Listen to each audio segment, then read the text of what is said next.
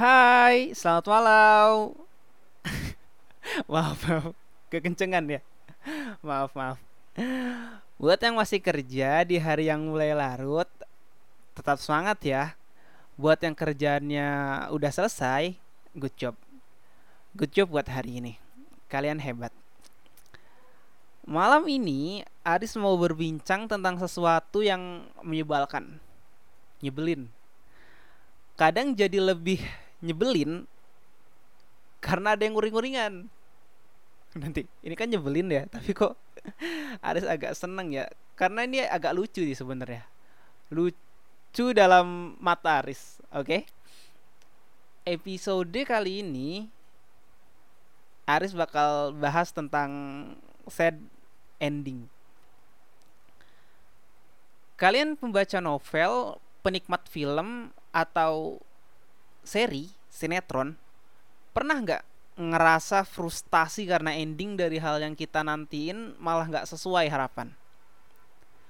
Ada yang klimaksnya nggak endang, nggak adil, atau apalah banyak penyebabnya.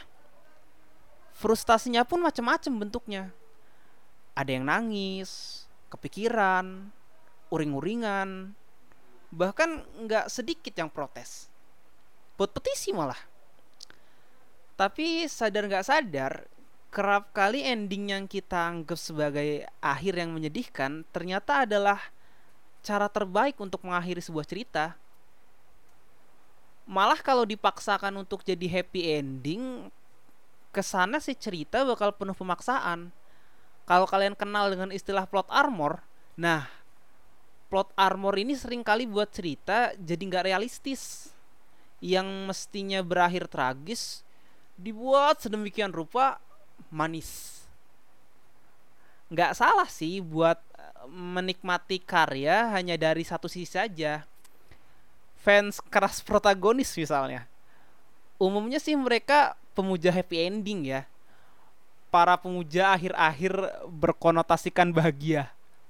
Tapi coba deh. Coba pahami sebuah ending yang menyedihkan. Ini buat para pemuja protagonis nih ya. Para pemuja akhir-akhir berkonotasikan bahagia. Coba pahami sebuah ending yang menyedihkan. Coba buat nikmatin film, novel, cerita dan sejenisnya dari sudut pandang yang lebih kompleks. Kadang kita bakal nemuin semisal happy ending yang ternyata menyedihkan atau akhir buruk yang ternyata akhir baik. Atau bahkan nemuin maksud yang bahkan si pembuat karyanya aja nggak sadar kalau itu bermakna demikian. Sad ending memang bagaimanapun menyedihkan sentimen hati membuat kita bereaksi dengan beraneka ragam. Tapi bukan berarti sebuah karya yang berakhir sedih adalah menyedihkan. Boleh jadi kalau kita paham, kita akan haru. Karena karyanya memang mengharukan. Gitu ya. Mumpung lagi ngomongin sad ending ya. Kalau kalian ada yang baca novel Dilannya Kang Pidi Beck, itu kan ada tiga buku ya jujur buku pertama itu bener-bener wah banget enjoy banget lucu banget keren banget deh pokoknya ini tradisi nih kalau ada karakter cowok sama cewek klop banget mesti kita sering sip-sipin mereka sambil nggak sadar doa uh, sambil nggak sadar doa happy ending buat mereka berdua Aris salah satunya tapi setelah baca buku yang kedua, itu wah kecewa berat sih. Salah satu novel yang gak pengen berakhir sad itu ya ini. Mereka udah oke okay banget, udah oke okay banget di buku pertama sampai pertengahan buku kedua. Eh, malah endingnya. Speechless aku. Tapi karena aku penikmat yang legowo, uh, nanti agak marah-marah dikit sih.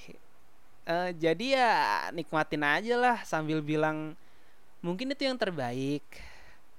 Nggak terima juga sih sebenarnya.